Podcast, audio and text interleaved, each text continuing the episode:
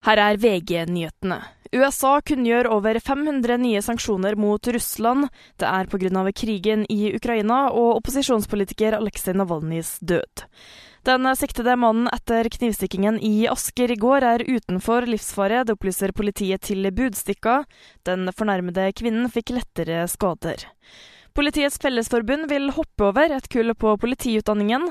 Årsaken er rekordmange utdannede uten jobb. I fjor fikk bare fire av nesten 400 nyutdannede fast jobb, og halvparten er uten arbeid, noe som ifølge forbundet kan øke til 900 i juni. Ni av tolv politidistrikt måtte nedbemanne i fjor, mens regjeringen nylig lovet en varig budsjettøkning på 635 millioner kroner. Politihøgskolen sier til TV 2 at de deler bekymringen, men vil ikke sette utdanningen på vent. Reporter Kristin Strand. Buskerud, Østfold og Akershus fortsetter med bare én statsforvalter.